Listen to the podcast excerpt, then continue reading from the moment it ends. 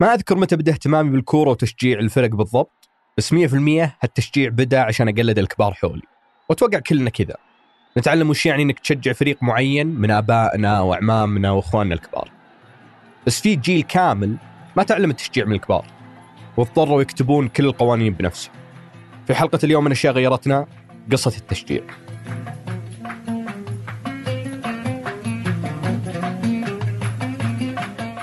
يا هلا. أنا مازن العتيبي وهذا بودكاست أشياء غيرتنا من إذاعة ثمانية في كل حلقة أجلس مع المؤرخ الاجتماعي منصور العساف ونستعرض شكل من أشكال تغير المجتمع السعودي. عشان نفهم قصة التشجيع لازم نبدأ بتعرف المجتمع على لعبة كرة القدم. فمتى دخلت الكورة للسعودية؟ الإجابة على هالسؤال ما هي مباشرة. ممكن تتفاجأ أن الكورة دخلت بأكثر من طريقة من أكثر من مكان ممكن في أزمنة متعددة بعد. المعروف إنه دخلها الجالية الأندونيسية في مكة. أوكي. إيه.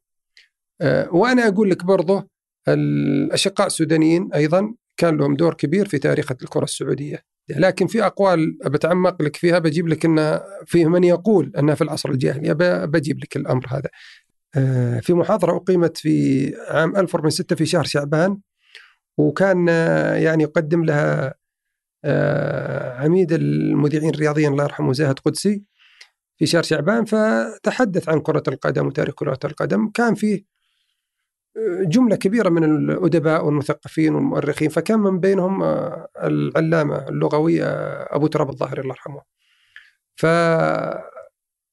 فرفع إيده طلب مداخلة وقال الأستاذ زاهد أنه افترى كرة القدم ما كانت حديثة يعني مثل ما يظهر أنه طبعا الإنجليز يدعون أنهم هم أصحاب السبق وهناك من يقول الصينيين وهناك من يقول الفراعنة خذ من الأمر هذا.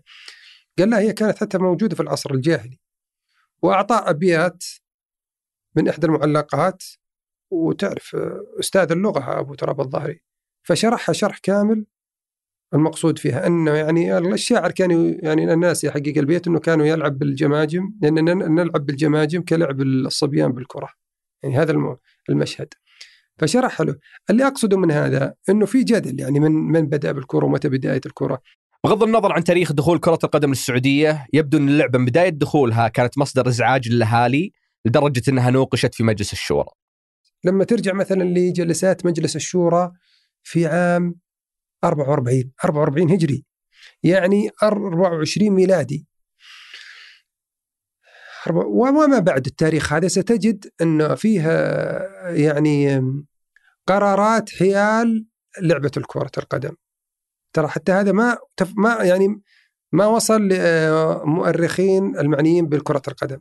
المعلومات هذه ما وصلت لبعض المؤرخين لكرة القدم. بدايات مجلس الشورى العشر سنوات الأول فيها يعني أخبار مهمة عن الكرة القدم. أحيانا تصدر قرارات بإيقافها لإزعاج الأهالي، أحيانا تصدر آه، قرارات بالحد منها وأحيانا تصدر قرارات بوضعها خارج المدن. يعني زي كذا أنا اضرب أصور لك المشهد لأنه كانت موجودة. بداية الكره والتشجيع ما كانت رسمية لأن الفترة من بين 1345 و 1372 هجري الكره نفسها ما كانت رسمية. كان التنظيم الرياضي في المملكة يتم بجهود الأفراد ومحبي اللعبة. عشان كذا حتى ظاهرة التشجيع والانتماء للنادي كانت محصورة في أحياء المدن اللي هي نفسها كانت نواة تأسيس الأندية.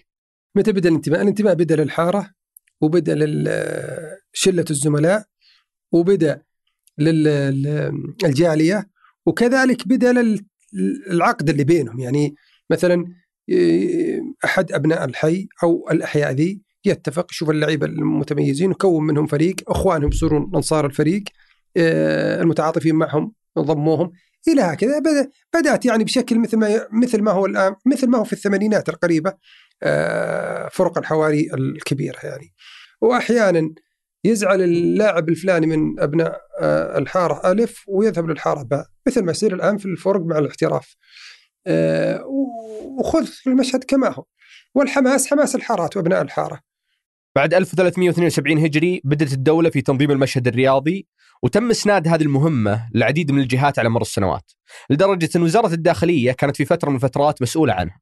ما قبل تأسيس الاتحاد السعودي ما أعتقد إنه يعني خاصة في زمن أو في فترة ما كان يعني كانت اللي تتبع الداخل وزارة الداخلية. وزارة الداخلية. كانت تنظيمات بسيطة هي بمثابة يعني كان اشراف وزاره الداخلية عليها بمثابة ال- ت- ت- تنظيم لل- للوضع الحاصل. مر تنظيم كرة القدم مراحل كثيرة فقبل الدوري نظام النقاط الحالي كان التنافس يصير أول شيء على مستوى المناطق والمتصدر من كل منطقة يتأهل تصفيات كأس الملك.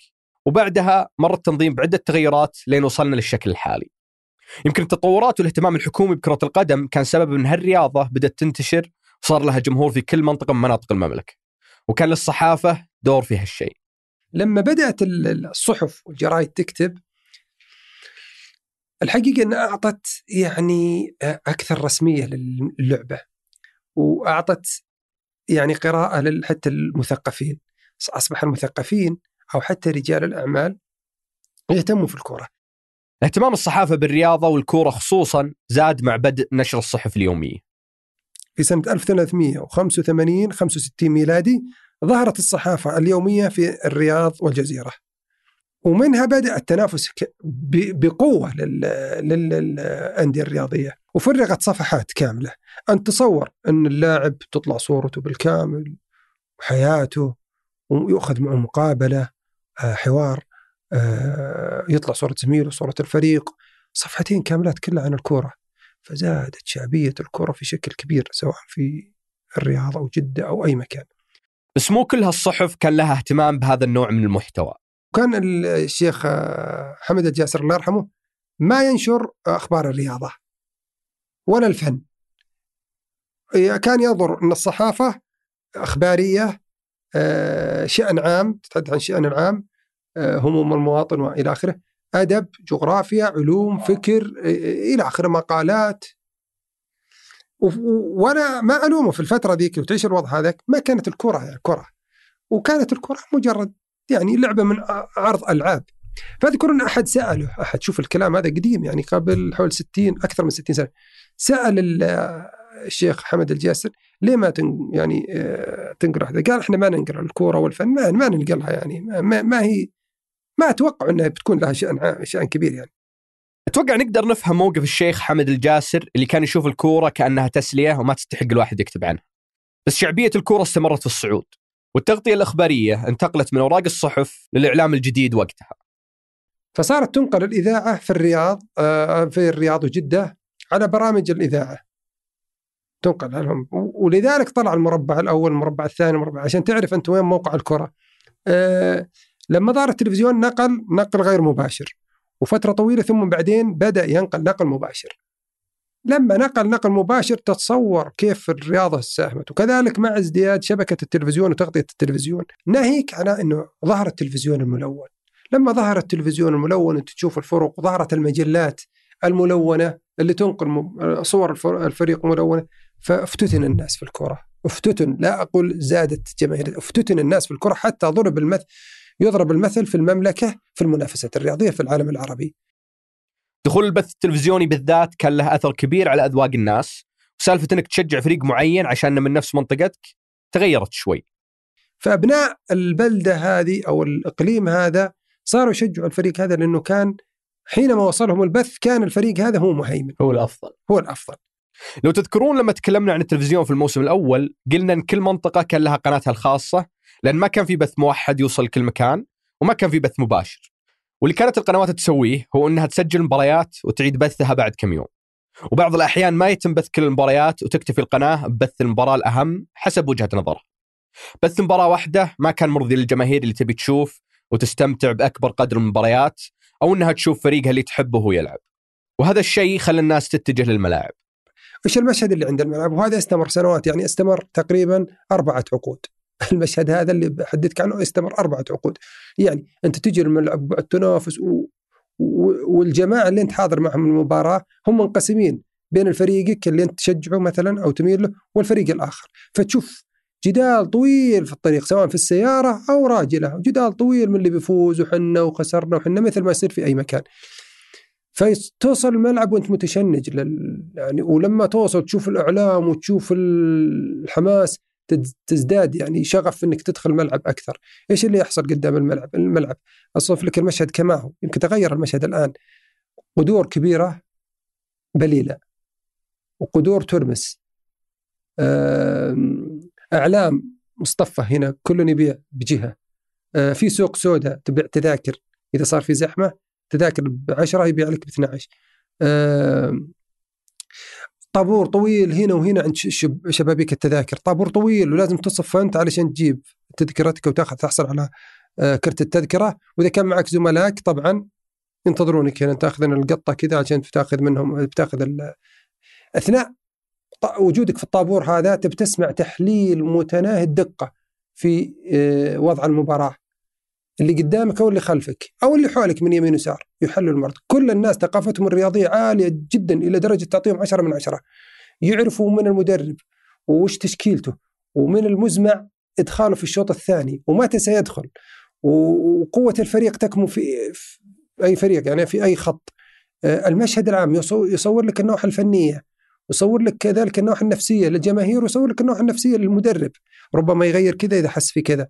فتعيش تحليل رياضي مثل ما تعيشه الآن في الاستوديو التحليلي كامل أثناء مرورك بس بهالطابور هذا ما ياخذ منك خمس دقائق ولو ما لقيت تذكرة في الملعب ولا حتى من السوق السوداء فما كان في حل غير إنك تلقى طريقة إبداعية تتابع فيها المباراة من خارج الملعب. لما ظهرت الساعة ظهرت ساعة الملعب آه خلاص اللي ما معهم تذاكر هذا مو في حاجة يقدروا يشوفوا الساعة بس متى تتحول هدف هدفين متى الوقت وذا إيه؟ أو أصحاب المنازل المجاور للملعب يشوفوا الساعة خلاص ما يحتاج. بعض المنازل قادر إذا صعد على مثلا آه، أعلى البناية يشوف المباراة قبل لا ترفع المدرجات. ف آه، حتى إن العقار يزيد عند الملعب واحيانا ينقص ينقص من سبب الزحام لكن يزيد اللي عندهم مثلا أبناء يحبوا الكورة. إقبال الناس على الملاعب والحضور المستمر شكل نوع من الوحدة الاجتماعية بين الجمهور اللي يحضر كل مباريات فريقه. وهذا أدى لتشكيل نوع جديد من التشجيع المنظم أكثر. لكن بعد الفاصل.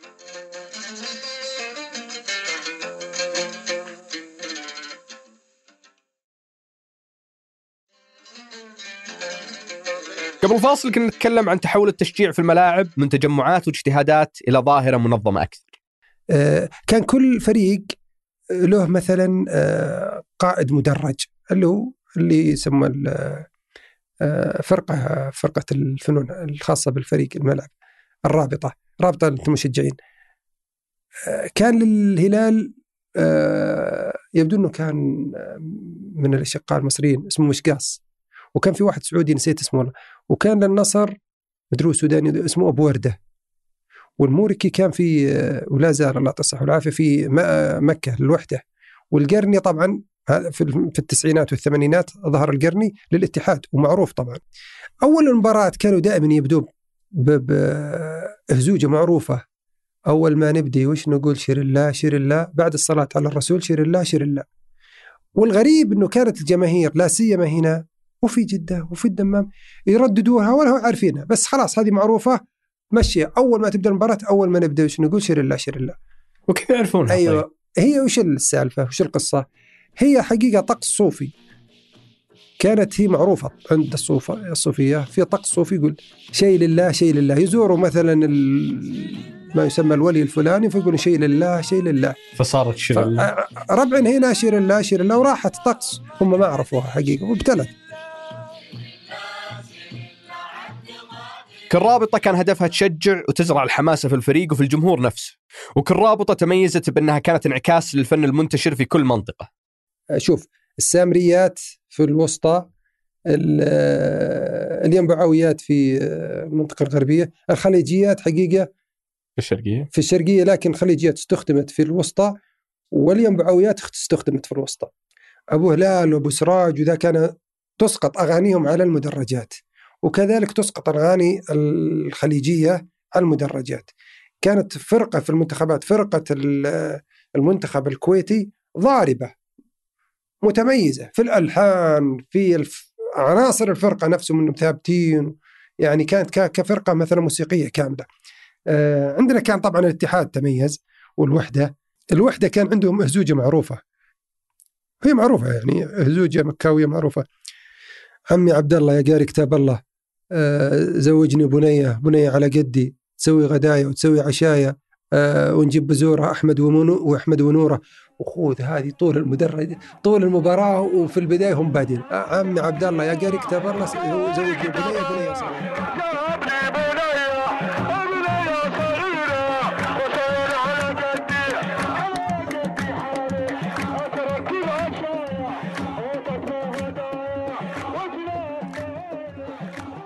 وفي بعض الأحيان كان في جهود فردية مميزة في التشجيع لدرجة إن الشخص نفسه يصير محط أنظار الفريق الخصم. مشجع كان يطلع فوق عند المنصة وكل مباراة يلعب الشباب يحضرها هو. وينادي بصوت كذا يلا يا شباب. معروفة. واستمر الرجل هذا لحاله يحضر بالحال. تعرف الشباب جمهوره في الفترة ذيك قليل. فكان الرجل هذا يحب نادي الشباب وشكله قديم. أدري الله يرحمه هو موجود ولا توفى. فكان ينادي يطلع. كل مباراة مخلص النادي الشباب يطلع يلا يا شباب. يحمسهم. فكانوا يعرفوه ويطلع صوته دائما في التلفزيون. إلى أن أصبح ظاهرة. فأحد المذيعين مرة قال استغرب قال مين هذا؟ وواحد قال من المذيعين ما شاء الله وصل. يعني خلاص المذيعين عرفوه إنه ما هو بعيد عن غرفة المذيعين. بعدين كتبت عنه الجرايد. بعدين استضافوا التلفزيون. بعدين أصبح ظاهرة. الشباب يقلدونه في الحارات. يلا يا شباب يلا يا شباب يلا يا. بعدين شوف وصلت. جاء فريق الهلال وقدم له عرض. شوف احتراف صرنا الآن احتراف مو باللعيبة حتى بالجماهير. وقدم له عرض. تعال معنا. أيوه وصار تبع الهلال. هو شبابي ميولا صار تبع الهلال. فبآخر التسعينات ظهرت آه نفس العبارة لكن للهلال. يلا يا هلال. وقوم مع جمهور الهلال يلا يا هلال. فظهرت هذه في التسعينات منتصف التسعينات من بداية التسعينات إلى نهاية التسعينات. وكان المدرج يتفاعل مع كل الأشياء اللي تصير في المباراة. إذا جاء هدف أو إذا غير لاعب المدرب غير لاعب فيقوموا أديت الواجب يا فلان أديت الواجب كذا فلان إيه يحيونه يعني. وبعدين إذا دخلت الكرة بين رجلين لاعب هذه مصيبة ال- ثالثة الاثافي عندهم خلاص. يعني كانه محطم اللاعب. الكبري. سمى الكبري هذا. فكانوا يرددوه بوكوباري لا يباري وبوكوباري زي كذا. آه إذا الفريق مثلا ما قدم مستوى والجماهير انتظرت انتظرت قبل لا تنتهي المباراة يعطونه يعطونه زوجتهم الشهيرة. بس هذه سامرية. كانوا يقولون العبوا ولا سرينا غابت القمره علينا. ويشيلونها شيلة جميلة سامرية كذا. المدرج نفسه كان يقود الحروب النفسية ضد لاعبي الفريق الخصم والحكام بعد. إذا سقط لاعب الفريق الثاني شو يقول؟ سقط اللاعب من فريق ألف. فريق باء وش يشجعه دلوعة دلوعة يرددونها. دلوعة يعني. إذا إذا الحكم أعطى قرار ما يناسبهم يقول ما في صفيرة يا حكم أو ما في سيارة يا حكم أو أحيانا يقول ما في عدالة يا حكم ما في عدالة يا حكم. يرددونها ومنتشرة كذلك خصوصا في السبعينات هذه. المصورين حقين الصحف كانوا دائما موجودين في المباريات والمكان اللي يختارون إنهم يجلسون فيه كان قضية ضخمة. وين يروحون؟ يروحون خلف الأبواب، طيب ليه يروحون في الباب هذا أكثر؟ ولا هالباب أكثر؟ هم يشوفوا اللاعب الهداف. أو الفريق اللي يتوقعوا إنه بيفوز ويروحوا عند الباب. عشان يلقطون لك. علشان ينقذوا يعني مثلا آه، ماجد يروح الباب اللي قدام ماجد المسجل. آه، مثلا مباراة والله فيها يوسف الثنيان بيلعب أو مثلا أمين دابو وقتها أو أحمد الصغير. أو إن الفريق مهيأ بحكم إن التشكيلة هنا أقوى اللاعب الفلاني هذا ما لعب. فالتشكيلة التوقعات إن الفريق هذا يفوز فتكون. فيكون رهان مراهنات بين المصورين أنفسهم الفريق. لا إحنا بنفوز. فتشوف هنا وهنا. وبعدين يقعد بعضهم يقعد بعضهم ينتظر ينتظر ينتظر يشوف الهجمات هناك. فيقوم يمشي ويجون كل الجماهير يصيحون عليه أرجع أرجع أرجع. جماهير الفريق هذا. يعني ارجع حنا اللي بنجيب فيهم لا. ورجموه أحيانا ارجع. ارجع بيجي هدف. أما ألقاب اللعيبة فكانت مختلفة عن الآن. في ذاك الوقت المجتمع تو الآن ما تأثر بالمسميات الفخمة شوي واللي يمكن كان للصحافة الحالية وتاثرهم مسميات اللاعبين العالميين دور فيها. عشان كذا كانت ألقاب اللاعبين محلية أكثر. يعني مثلا أبو ركبة. ابو حطبه كتالوج الفنسة كندة الصاروخ الكبش القملة شمروخ كل هذه أسماء وأسماء لعيبة معروفين ومبدعين حقيقة. أحيانا يكون الاسم اسمه الغراب سماه الملك فيصل قال أنت العقاب أنت بالغراب يوم أخذوا البطولة. فيكون لقب وأحيانا لا. خليني بقول لك بالأصح أصح التعبير عيارة. ناهيك لأنه يعني ظهرت حمامة في المدرج الفلاني فعيروا أبو حمامة، ظهرت قطة في المدرج الفلاني عيروا أبو بسه، وهكذا. الالقاب والمعايرات ما اقتصرت على الملعب كانت الجماهير تحاول تلقى أي شيء تعاير فيه الفريق الثاني مثل العيارات اللي بين الهلال والنصر كان مثلا لما يفوز النصر يقدم السليك، وكان لما يفوز الهلال يقدم ال- الفول. سليق النصر اللي الحين يجي طريقة في التشجيع ويقال إنه كان يطبخ يوميا في النادي هذا تسجيل لسيدة نصراوية لما قابلت لعيبة النصر في الطيارة ربي للنصر أخيرا الله يرحمك عبد الرحمن بن سعود. وينك تفرح؟ يا علك بعليين الله كان وزعنا على كل النصر معروف بالسليق كل ما فاز النصر صلحنا سليق الله يرحمك. يا ميمتي من اول توزع. أما سالفة الفول فهذه مقابله المؤرخ الرياضي عبد الرحمن السماري يتكلم عن الموضوع. الفول والسليق إيه. كانت الأندية تسمى الهلال يسمى نادي الفول والنصر هذه نادي السليق. مسميات قديمة أول. طبعا إيه. ما في إلا إيش يعني الأكلات محدودة ذيك الأيام. في النصر عنده قال له وين ياكل سليق؟ عندهم مدري يماني يطبخ لهم سليق بتاع الخزان. والهلال قالوا نا- نادي السليق. فشاروا يعني يشوفوا اللاعبين اللي يروحوا يتعشون فول في الحلة قالوا نادي الفول. بعد ما زاد الاهتمام بالكورة من أغلب شرائح المجتمع والصحافة والإعلام بدينا نشوف نوع جديد من الإنتاج الفني اللي يدور في فلك الكورة ولاعبيها. آه، عبد الكريم عبد القادر غنى الماجد عبد الله وعبد الله الرويشد غنى ليوسف الثنيان في منتصف الثمانينات. ظهرت قبلها برضه أول أول مرة شريط للاعب اللي هو شريط ماجد عبد الله في عام 2005 في شعبان. أول شريط فيديو للاعب كرة قدم. شريط فيديو. شريط فيديو. أهداف. يستعرض اهدافه وحياته وقصته وكيف يعيش يوم وإلى آخره. فترة الثورة الفنية ذي شملت إنجازات المنتخب في الثمانينات. بدا الإبداع ومنتهى الإبداع في عام 84 لأن المنتخب السعودي حصل على إنجازين إنجاز التأهل لوس أنجلوس وإنجاز كأس آسيا. فظهرت آه، منصور يا اغلى شعار يا سعودي يا اغلى افضل منتخب وظهرت آه، الله الله يا منتخبنا إن شاء الله تحقق أملنا وظهرت كل ما تشاء أن تقوله. وبعدين ظهر في تسعة في 88 ميلادي 1409 آه، جاكم الاعصار وخر عن طريقه وإلى آخره. جاكم الإعصار ماشيين يعيقه منتخبنا اليوم وفر عن طريقه. والصحافة بدأت في نفس الوقت تنتبه لأي أحداث ممكن يكون لها علاقة بالكورة. فمنصور يذكر انه تم توثيق حالات طلاق بسبب جدالات بدت بسبب الكورة. ويمكن ما كانت الكورة هي السبب المباشر للطلاق لكن لعلها كانت القشة التي قصمت ظهر البعير على قولهم.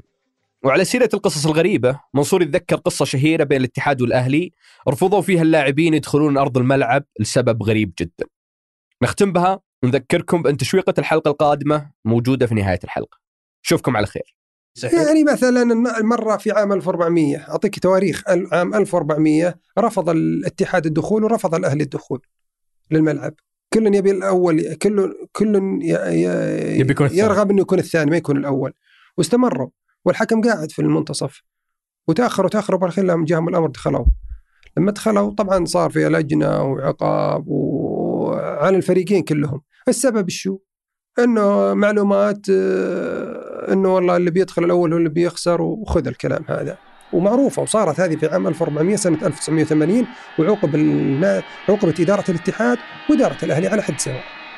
ينزلوا متماسكين الأيادي الأهلاويين والاتحاديين. كل لاعب أهلاوي ماسك لاعب اتحادي وكل لاعب اتحادي ماسك لاعب أهلاوي. وشيء حلو وطريقة جديدة بيعملوها الأهلي. هذه الحلقة من بحث وإعداد الرائع منصور العساف. أنتجها وحررها أبو حلاوة ثمود محفوظ هندسها صوتيا محمد الحسن وراجعها أيمن الحمادي والوليد العيسى.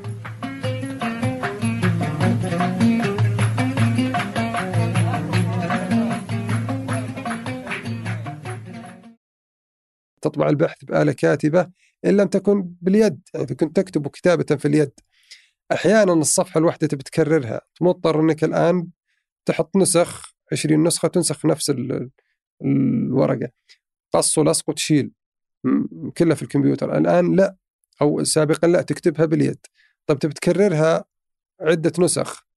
تحط آه، كانت الورق يسمونه الورق الكربون هذا وشراح الكربون اللي هي الأزرق. وتحط مثلا كم من تبي نسخة؟ تبي عشر نسخ تحط بين كل ورقتين عشر نسخ من الكربون وتكتب يطلع لك نفس الخط. يعني لو أنت خطيت في الصفحة الأولى وخطيت في الصفحة العاشرة. ترجع ترجع للمزيل هذا اللي يسمى الطامس وتطمس وتكتب. إذا صار خطأ كبير لا لازم ترجع تطبع من جديد الطابعة.